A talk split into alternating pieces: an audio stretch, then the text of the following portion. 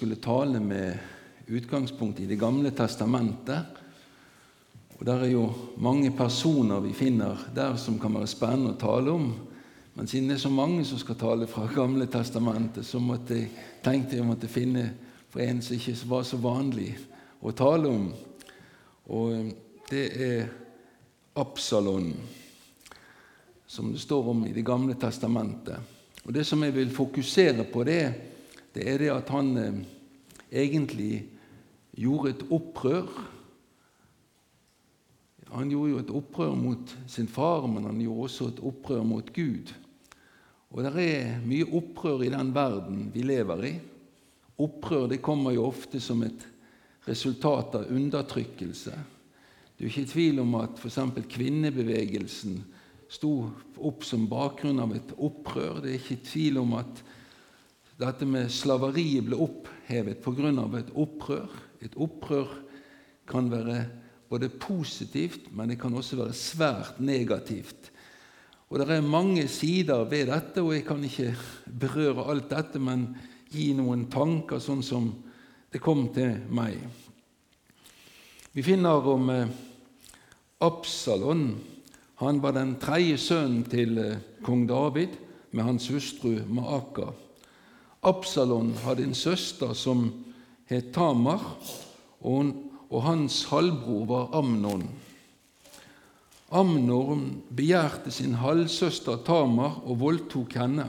Dette førte til at Absalon drepte halvbroren sin, og siden gjorde han opprør mot sin far, og han ble drept av kong David sine soldater.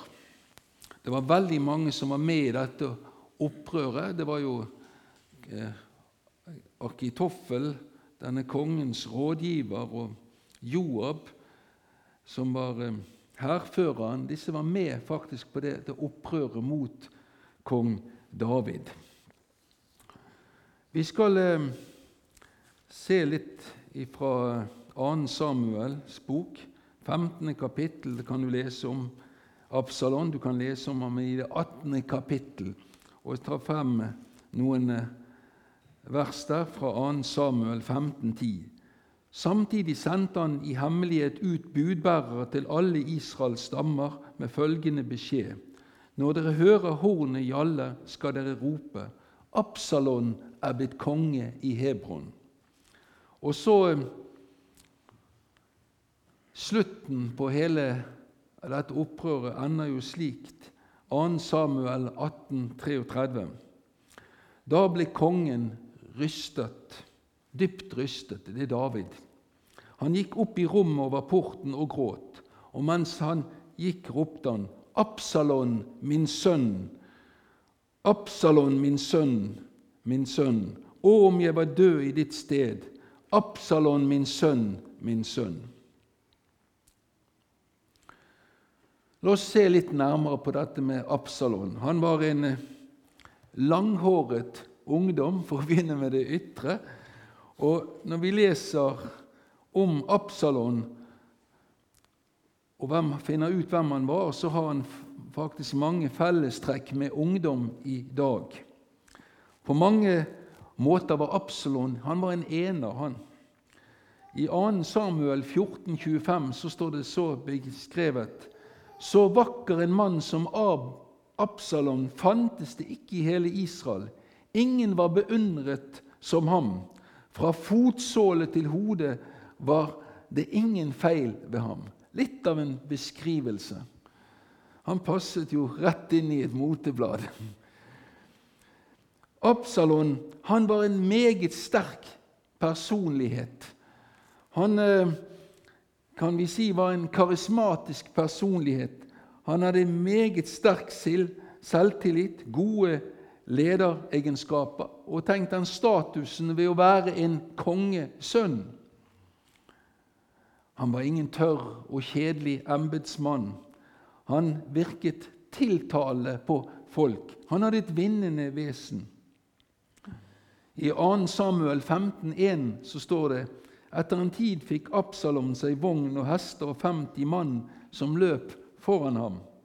Vogn og hester hadde han, Absalon, skulle ha den villeste og sterkeste i den kongelige stallen. Dessuten hadde han en livgarde som ingen hadde sett maken til i Israel. Absalon var en person som tiltrakk seg mye oppmerksomhet. Han var en som tok mye plass. De merket nok når Absalon var til stede blant mange folk. Absalon var en person som ville nå til topps. Han ville være den største. Å bli konge, det var nok hans mål. Men så i flere år arbeidet han systematisk for å så tvil om kong Davids vilje til å hjelpe og forstå folk. Han satte spørsmål ved kong Davids evne som dommer. Men så var det sånn at Absalon han var svært folkelig. og Derfor lykkes han etter hvert å innarbeide en popularitet i befolkningen.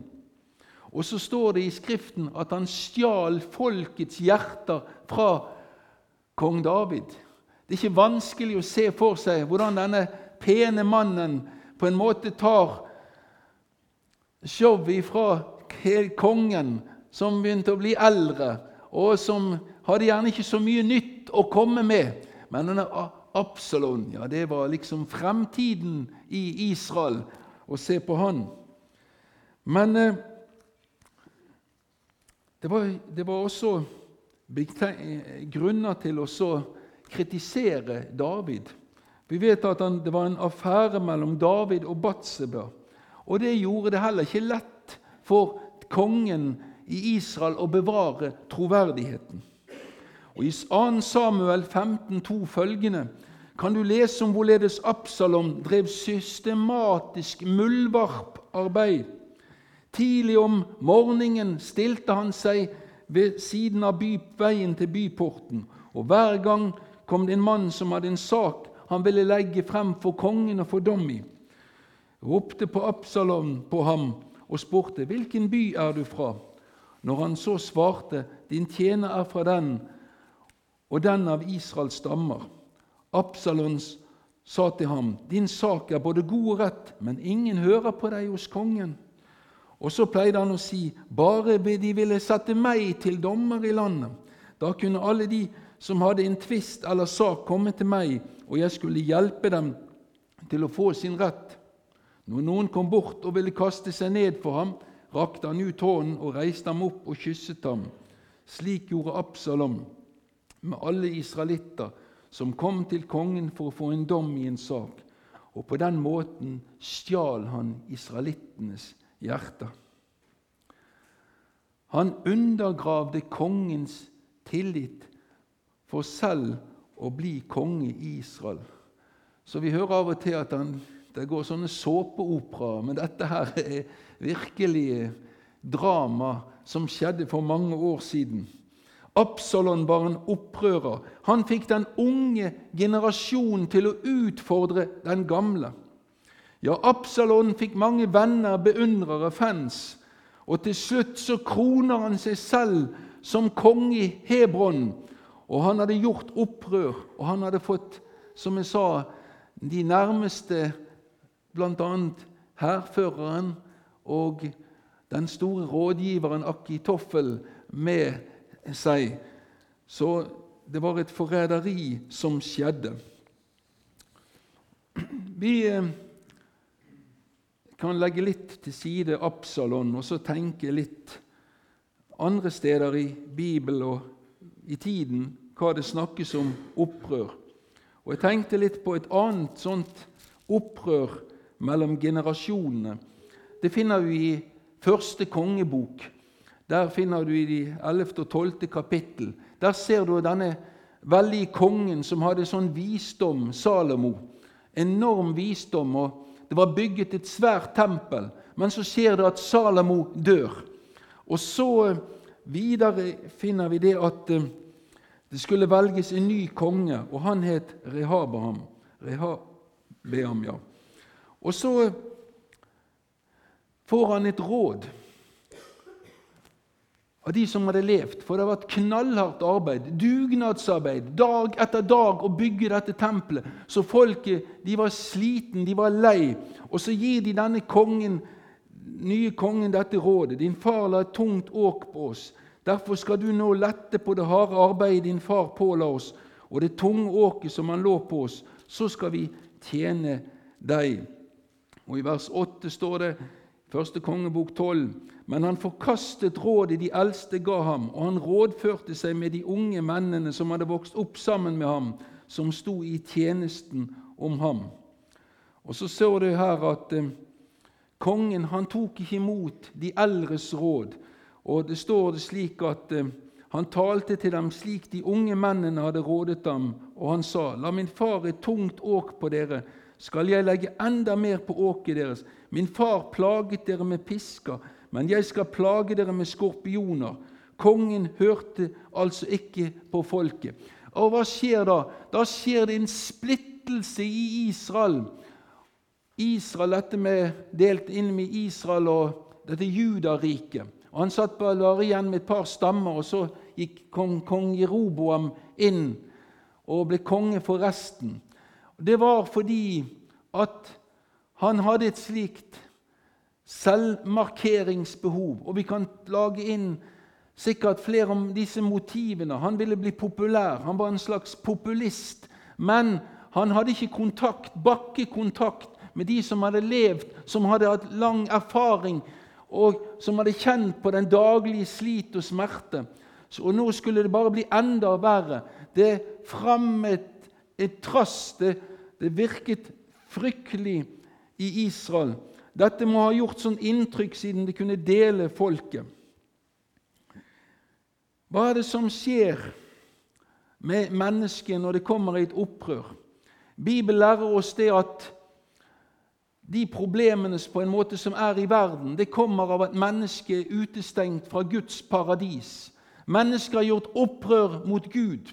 Og vi finner det at når vi ser utover verden, hva er det som skjer? Det er krig, det er ondskap, det ene etter det andre. Det er stadig skolemassakrer vi hører om fra i statene. Det, er så mange forferdelige ting. Så, så, så, av og til, hvis man skal se Dagsrevyen, og sånn, så er det kveldens dose med negative meldinger om det som skjer.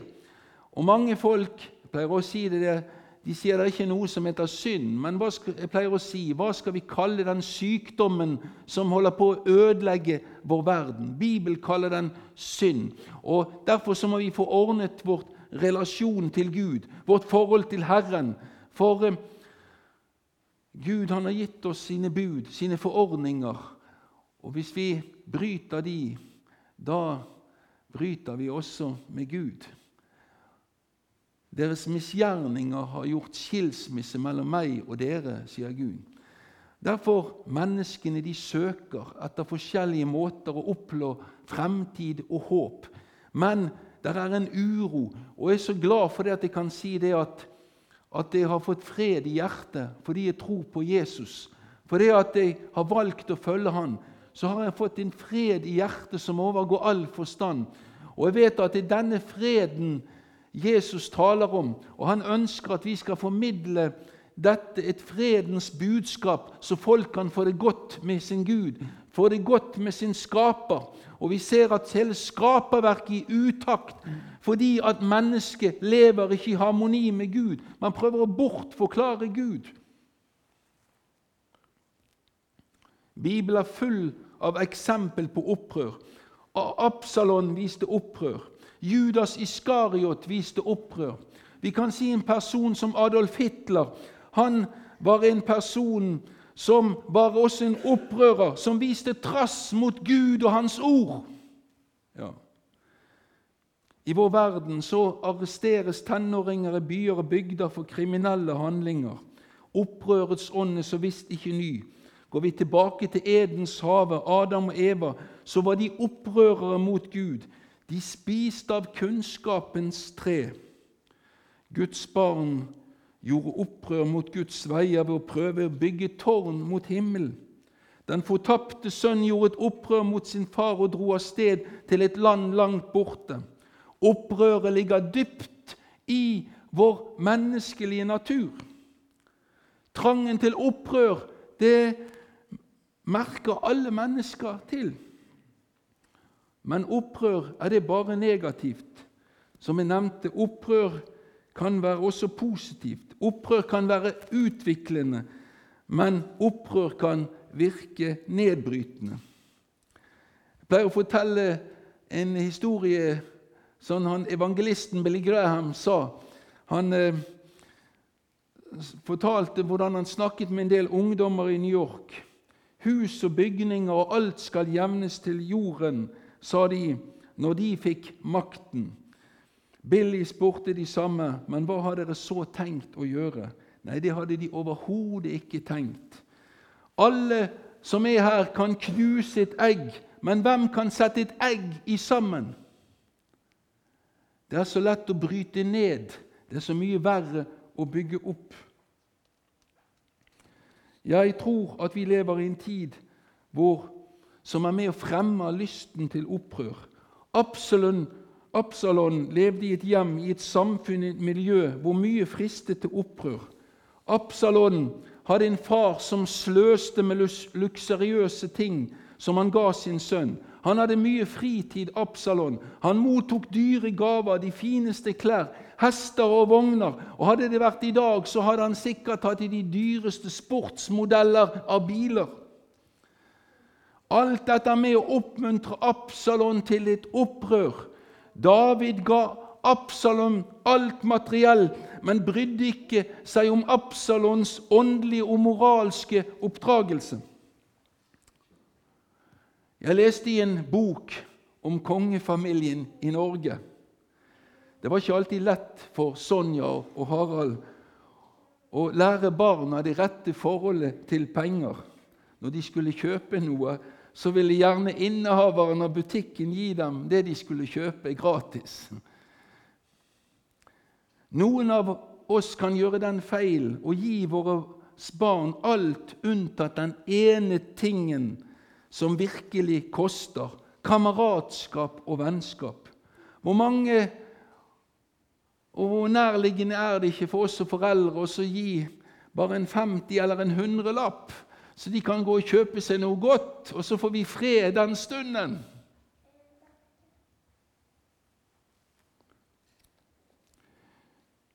Og så ser vi det som også er med og bygger opp under uro og opprør i samfunnet.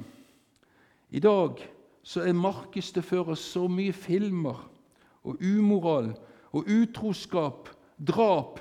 Det blir sett som underholdning og kommer rett inn i våre stuer. Og jeg merker det at det skjer en, eh, en grenseforflytning fra de eldre til de yngre. Fordi at, jeg hører bare i Amerika, Det var, det var nifst når jeg hørte en statistikk hvor mange, en ungdom, hvor mange drap han hadde sett på TV. Og jeg vet at hvis det, jeg har sett eh, Jeg vet at eh, jeg har mye, mye kontakt med ungdom, og da har jeg sett hva enkelte kan se på. For Det er sånne spill hvor de går inn og så styrer folk. Det er zombier. De, de dreper, og de selv utfører disse handlingene ved å styre på disse spillene. Men, og Dette kan eldre folk reagere på, men jeg har spurt ungdommer som sier nei, det der var ikke noe så avskrekkende. Men det, helt, det viser jo hvorfor en utvikling det er i samfunnet. Man blir helt blind for, for, for synden som skjer. Og jeg tenker på mye av det som skjer på filmer. Det er jo slik som, eh, som eh, hvis, hvis nabolagen Man holdt sånn på i nabolaget, sånn som de holder på i filmer, så ville det være rystende. Men det som skjer, det er det at, at dette er med å stimulere til opprør. Det er med å legge ut sprengstoff i våre sinn. For når vi settes ut for press i samfunnet, da presses vi til opprør, og vi kan komme til å handle til det som vi har sett på filmene. Der er en lov om å så og høste. Hvis du sår gulrøtter, så høster ikke du kålrabi.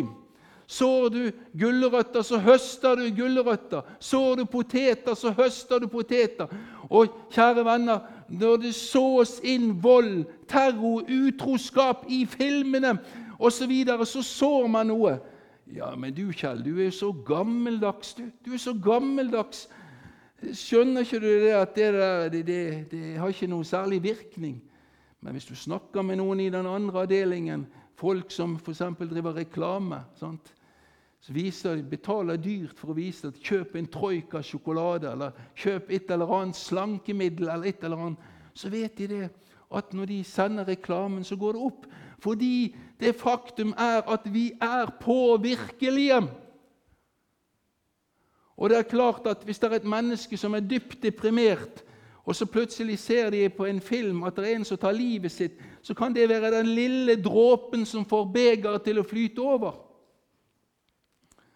Tro ikke at når alt dette blir sådd inn i sinnet, at det ikke kommer en høst, og vi faktisk ser det, at mer og mer det som skjer på filmene, det ser vi skjer i samfunnet. Men allikevel så skal det pøses på med mer og mer av dette svineriet. Det er så mye i vår tid som er ved til ilden, som frister til opprør. Og Jesus sier det klart at i siste tider skal folk reise seg mot folk. Og Det er altså det som skjer. og Jeg kunne nevnt eksempler på dette, men dette vet dere så veldig godt fra nyhetsbildet selv. Men minner oss om Paulus sine ord. 2. Tim 3.1-5. Du skal vite at i de siste tider skal det komme vanskelige tider.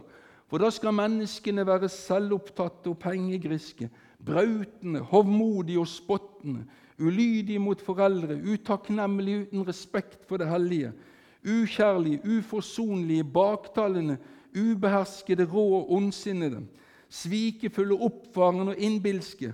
De elsker nytelser høyere enn de elsker Gud. I det ytre har de gudsfrykt, men de fornekter gudsfryktens kraft.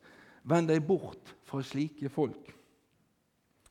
Kjære venner, la oss se i opprør i verden som er mennesker som er kommet ut av kurs, som egentlig har en dyp hunger og tørst etter Gud. Og Derfor er det så viktig å gi menneskene Guds ord, så det kan fødes et nytt liv, et nytt håp inn i hjertet på folk. En som kan gi fred, trygghet og rettferdighet. Og Jesus han er den eneste som kan gi oss denne friheten. For Sønnen frigjort dere, da blir dere virkelig fri. Og så sier han dere skal kjenne sannheten, og sannheten skal frigjøre det. Tenk for det at hvis det er en ting du lurer på, om du har bestått din eksamen, og så får du vite at du har bestått eksamen, og hvor godt det er å få høre sånn som det faktisk ligger an Usikkerhet er alltid tvil. Men Jesus han har fortalt oss sannheten om oss mennesker. Og han har fortalt oss sannheten om Gud. Og når vi kommer til korset, når vi kommer til Jesus, da blir det fred i hjertet. Og da blir det glede. Og da får man fred. Da kommer man inn i et helt annet liv med et annet perspektiv. Glede og fred i Den hellige ånd. Jesus har svaret på det vi lengter etter. Og Jeg pleier å si og formulere det slik at frihet er å kunne si ja til Jesus og nei til alt som ødelegger livet. Dette er en frihet som kan erfares.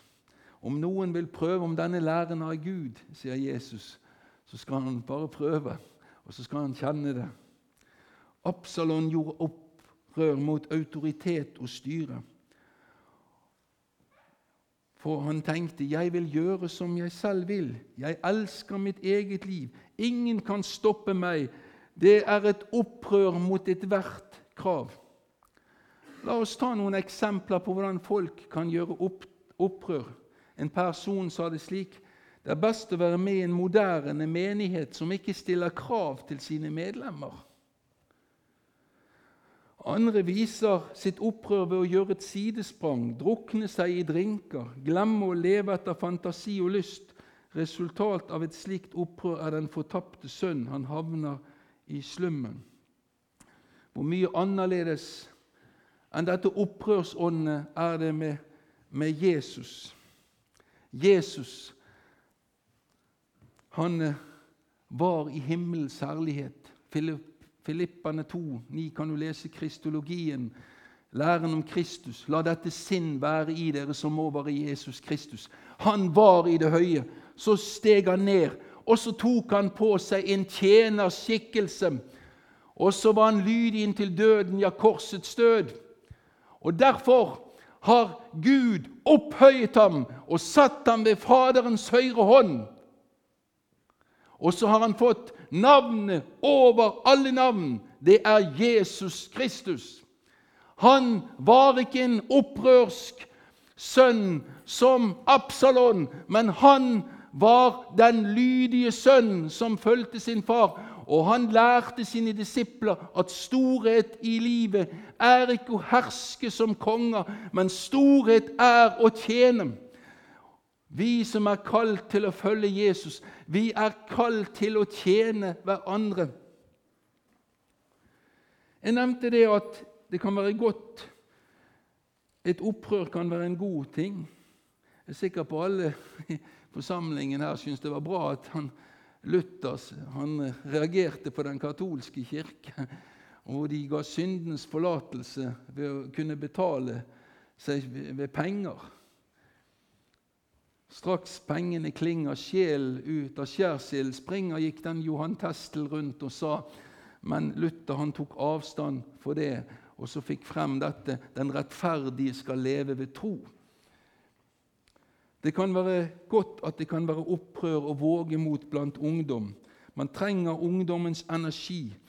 Et opprør kan være en god ting. Jesus gjorde opprør mot tradisjoner og skikker i sin samtid. Han nektet å behandle andre menneskeraser dårlig. Han ga de verdi. Til og med samaritanerne som de hadde sett ned på. Jesus han satte seg ned ved samaritanerne. Han eh, forteller lignelsen om han som ble slått av røvere, og det var en samaritan som kom for å hjelpe. Jesus han eh, behandlet ikke andre menneskeraser med hat og forakt. Han spiste med toller og syndere. Han avslo å gjøre ytre skikkels, skikker av kopper og kar som var meningsløse. Det er sunt med et opprør som går mot urettferdighet og ukjærlighet. Men det er galt å gjøre et eh, opprør mot Gud og Hans ord. Og jeg sier det at et sant og godt opprør er en nidkjærhet for Gud og Hans ord, og hvor vi trenger det i dag. I dag så, hvor humanismen har inntatt landet så fælt at man skal liksom tolerere alt mulig. Det opprør som verden i dag trenger av ungdom, voksne og eldre, som er satt i brann for Guds rike. En tidligere kollega av meg som tidligere var bosatt i USA, han fortalte om en brann i et svært reservat. Og Da var det slik at indianerne de klarte å slukke brannen som de ikke hadde klart å slukke med fly. Indianerne de kjente på vindretningen, og så laget de en motbrann som til slutt slukket ilden. Og Sånn er det, det Herren i dag kaller sitt folk til å være et annerledes folk, som kan være en motbrann mot de nedbrytende og destruktive krefter i samfunnet. Herren trenger mennesker som er satt i brann for den Herre Jesus Kristus. Absalons opprør mot David var så stort og omfattende at David og hans menn måtte flykte fra Jerusalem. Men kjærlighet til Absalon hadde David hele tiden. Men kongen befalte Joab, står det i 2.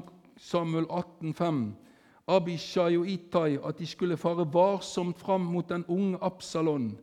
Hele hæren hørte at kongen ga alle hærførerne den ordren om Absalon. Og så er det så tragisk at det skjer en krig mellom far og sønn. Og til slutt skjer det fryktelige.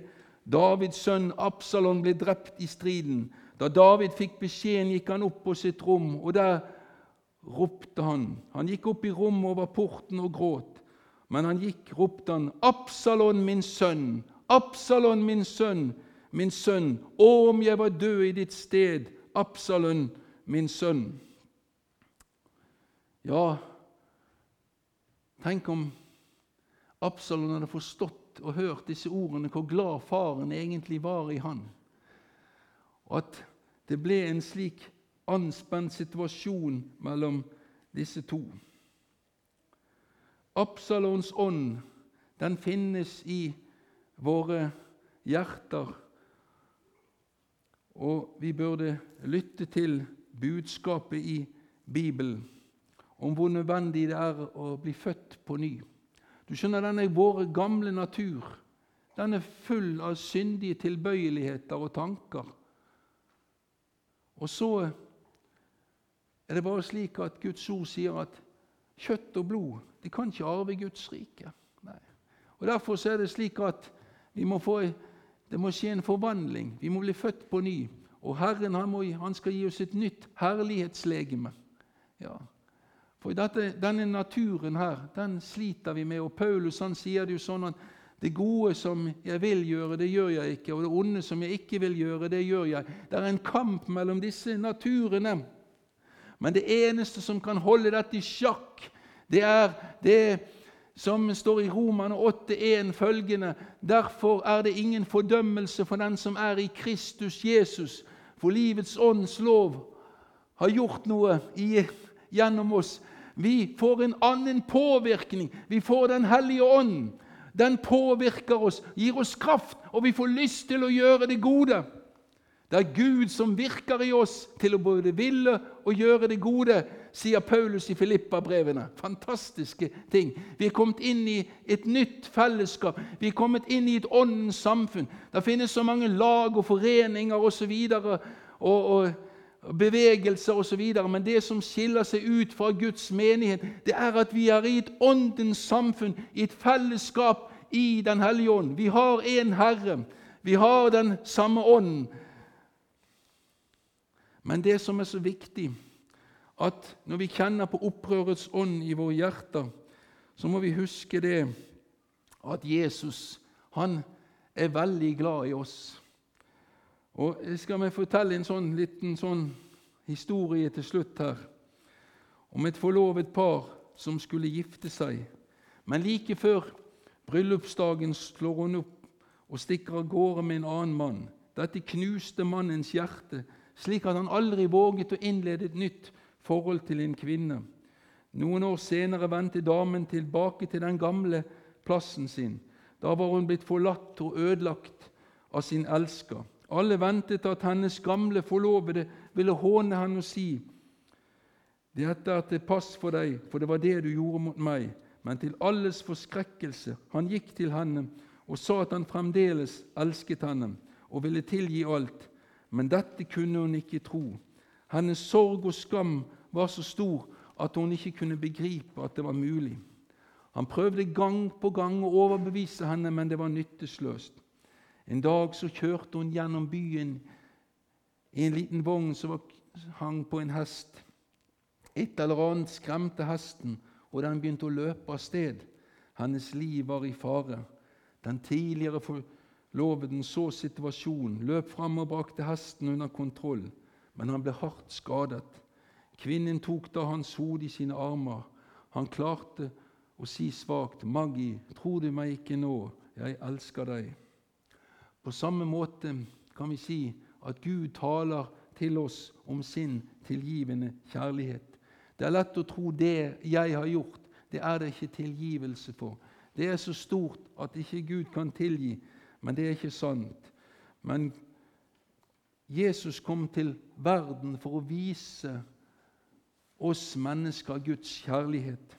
Det kostet han noe. Trengsel, angst, smerte, tortur, ja, korsets død. Men denne handlingen taler fortsatt om det samme. Vil dere ikke tro at jeg elsker dere?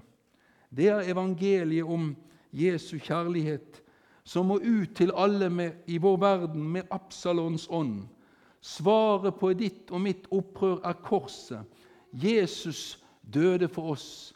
Han døde for dine og mine synder. Og Det er så viktig å se det at Bibelen lærer oss det at syndens lønn er døden, men Guds nådegave er evig liv i Kristus Jesus. Det er stort å få ta imot denne gaven, frelsen i Jesus. Så det som vi kan bestemme oss for her i dag Jeg vil leve radikalt for Jesus. Jeg vil følge Han. Jeg vil være en som følger Hans ord. Og jeg vil ikke skamme meg for evangeliet, for den som skammer seg over evangeliet, han skal Jesus også skamme seg for en dag. Nei, la oss holde fast på det som apostel Paulus sier. Jeg vet på hvem jeg tror. Amen.